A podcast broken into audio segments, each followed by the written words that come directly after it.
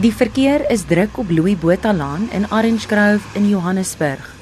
Op die hoek van die besige straat en St Mary's weg is die Circle Healthcare Rehabilitasie Hospitaal.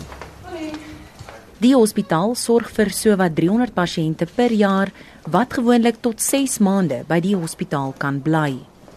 Die fasiliteitsbestuurder, Alisha Botma, wys my rond. Morning, Mr. Howard. Welcome back. Good morning, Harold. How are you? Good and you? Good morning. How are Bobo? I'm th- I'm tired. I'm tired. Have you been to the gym yet today? Aye. Not yet. Mm. Will you go later? Later. Yeah. Op 'n rusbank in die voorportaal sit 'n vriendelike jong man in 'n helderblou hemp met blomme op die kraag en mouboortjies. Hy tuur by die venster uit. Choo, choo, choo. I get it was King Tetuane. You, you, you. Then I went to Litavide. Gone. Gone. Yeah. What happened? I don't know. I don't know. I can't remember. Yeah. Were you in the car? Yeah. Yeah. Were you driving? Mm-mm. I was I was sitting with this man, ne, Joe, Joe, eh, eh, eh. We we we in a taxi mara. Hy onthou net die hospitaal. I re- I remember this one. Um, I've been I've been shifting, but I remember this one. Hy was in 'n karongeluk betrokke gewees. Hy het 'n traumatiese breinbesering opgedoen. Hy is nou by ons van die begin van Junie maand af waar hy in 'n baie slegte kondisie aangekom het na sy breinbesering en die vordering wat hy nou al gedoen het in die laaste 2-3 maande is absoluut ongelooflik. Hy praat al, hy is heeltemal by sy bewuste. Hy kan loop, hy dans op en af in die gange.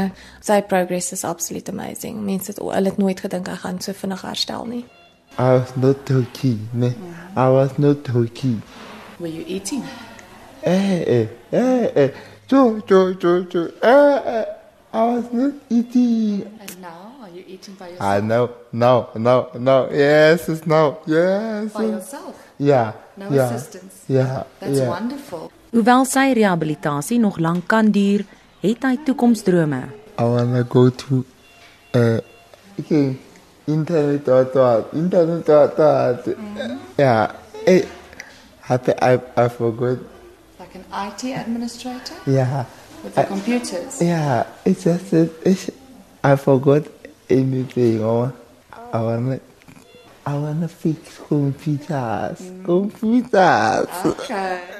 Elke pasiënt in die hospitaal het sigbare littekens van 'n breinoperasie.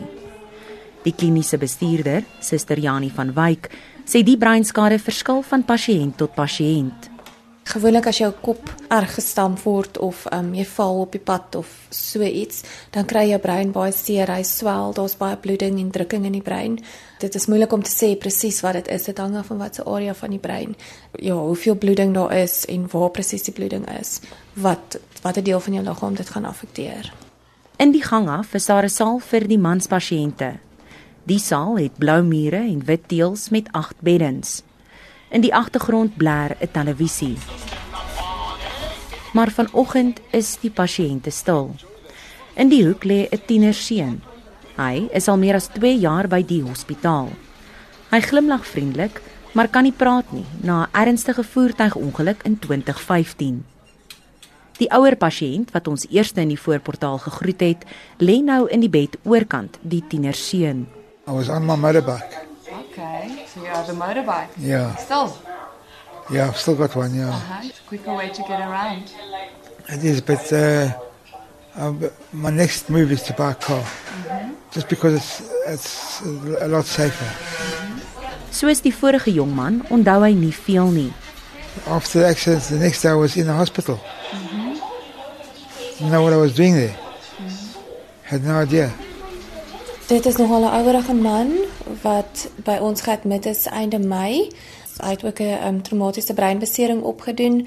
Hy het gegaan vir sy operasies en hy is nou al 5 maande by ons en hy het baie goeie vordering. Soveel so dat hy ook by homself kan loop en eet. Hy doen baie goed in sy fisioterapie. Hy's heeltemal by sy volle positiewe. Hy's amper op die punt om gedischarged te word.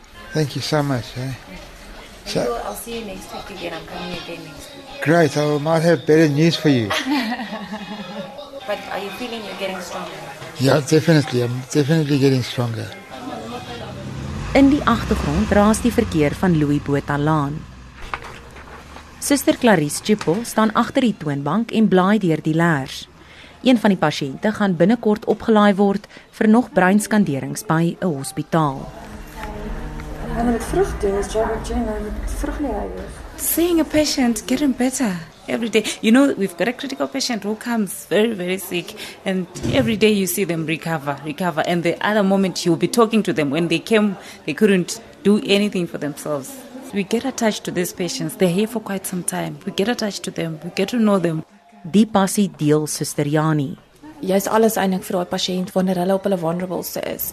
So jy's basies hulle advokaat, jy moet vir hulle kan praat as hulle nie kan praat nie, jy moet hulle kan help as hulle nie hulle self kan help nie, maar jy's ook 'n baie groot ondersteuningsraamwerk, nie net vir die pasiënt nie, maar ook vir die geliefdes en die familie. So jy stap daai paadjie saam met hulle, nie net 'n fisiese paadjie nie, maar ook 'n emosionele paadjie want dis vir ons net so belangrik as jy klein goedjies sien wat hulle nou kan regkry wat hulle voorheen nie kan regkry nie. Selfs al is dit net as 'n 'n been in 'n kontraksie is en die been begin nou ontspan en hulle kan dit nou beweeg. Hierdie is 'n bietjie meer inspirerend want jy kan regtig progress sien in jou pasiënte. Verder in die lang gang af is daar die gimnasium. Vyf pasiënte is onderskeidelik op die trapmeel, trapfietsse of besig met oefeninge op die vloer of teen die muur. Terapeute help die pasiënte met oënskynlik maklike oefeninge. Dit help jou om hierdie nuwe liggaam wat jy nou het na so 'n besering, dat jy dit dat jy weer na daai liggaam kan kyk en dat jy weer kan aanpas in 'n normale samelewing.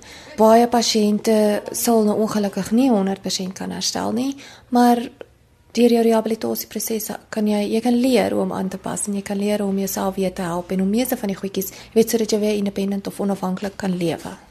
In 'n saal naby aan die gimnasium is daar nog 'n jong man, maar hy is alleen in die saal. It's just an accident.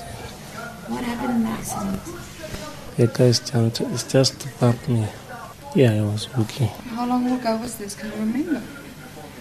Mm, from 20 February. Yeah. I'm okay. As gevolg van die beserings wat hy opgedoen het, het hy is hy nou 'n parapleeg. Hy is huis toe gestuur na sy rehabilitasie en daar was nie genoegsame sorg vir hom by die huis nie. Die mense was nie ge-educate hoe om eintlik na hom om te sien nie en hy het ongelukkig baie erge bedsere opgedoen. Ons het hom aan, in ons fasiliteit aanvaar want dit is nog 'n ding wat ons behandel hierso. Hy is nou al seker vir 3 maande by ons. Sy bedsere was ongelooflik groot. Dit gaan nou ongelukkig nog 'n rukkie vat vir dit om heeltemal gesond te word, maar ja, hy vorder baie goed. I know to bath myself now And eating? and eating. Yeah. Can you move yourself from a bed to a chair? You need help with that still? No, I know it. You can do that yourself. Yeah. That's wonderful. Suster Jani sê bedsere is van die grootste risiko's vir sulke pasiënte. Wanneer jy 'n bedseer het, is dit baie moeilik om te behandel want dit is dit jy weet daar afhangende van die graad van die bedseer wat jy het. Dit is baie groot oop wonde. Ehm um, daar kom baie maklik infeksies in en dit vat regtig baie lank om dit te behandel. Jy kan septisemia um, ontwikkel as gevolg van die bedseer, die infeksies in die bedseer. Daar kan ook baie bakterieë um, in 'n bedseer groei wat dan ook um, jou hele liggaam kan vergiftig. Môre, Hoe gaan dit? goed en jy? 'n Ander klaar weer hoorbaar vanuit die vertrek langs aan. Ek het so min geslaap. Hulle en dit jy so, dit skief my hierso daar. Suster Jani gee toe dat dit 'n uitdagende werk is, maar sy sou dit nie vir een oomblik verruil nie.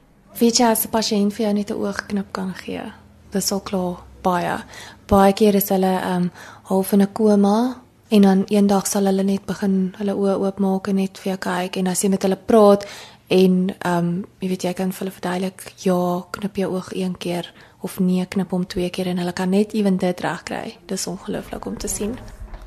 Suster Jani sê egter rehabilitasie moet holisties van aard wees. daar's wel baie pasiënte waarvan ek weet wat regtig weer normaal kan funksioneer soos ek en jy. Ek dink in so 'n geval is jou emosionele skade wat jy het, het 'n baie groter impak op jou. Ehm um, want onthou dit is dis nog steeds 'n baie groot trauma waardeur jy gaan en om te terms te kom met dit wat met jou gebeur het en die hele rehab want rehabilitasie is baie lank. So daai deel van jou lewe wat jy mis, gaan jy nooit weer terugkry nie. Maak nie saak al is jy 100% herstel nie, jy moet nog steeds emosioneel deel met daai tyd van jou lewe.